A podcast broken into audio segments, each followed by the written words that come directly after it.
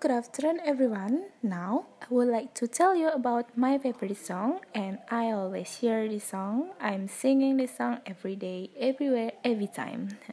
Now I want to tell you the reason why I love this song and why I always hear this song.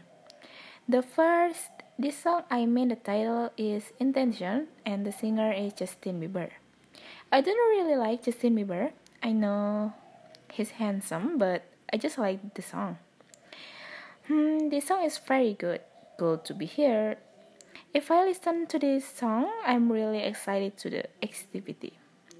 And currently, there is a cool meaning that is stored in the song. Like this really lyric. Picture perfect, you don't need no filter. If you want a good photo or the perfect photo, you don't be insecure of other.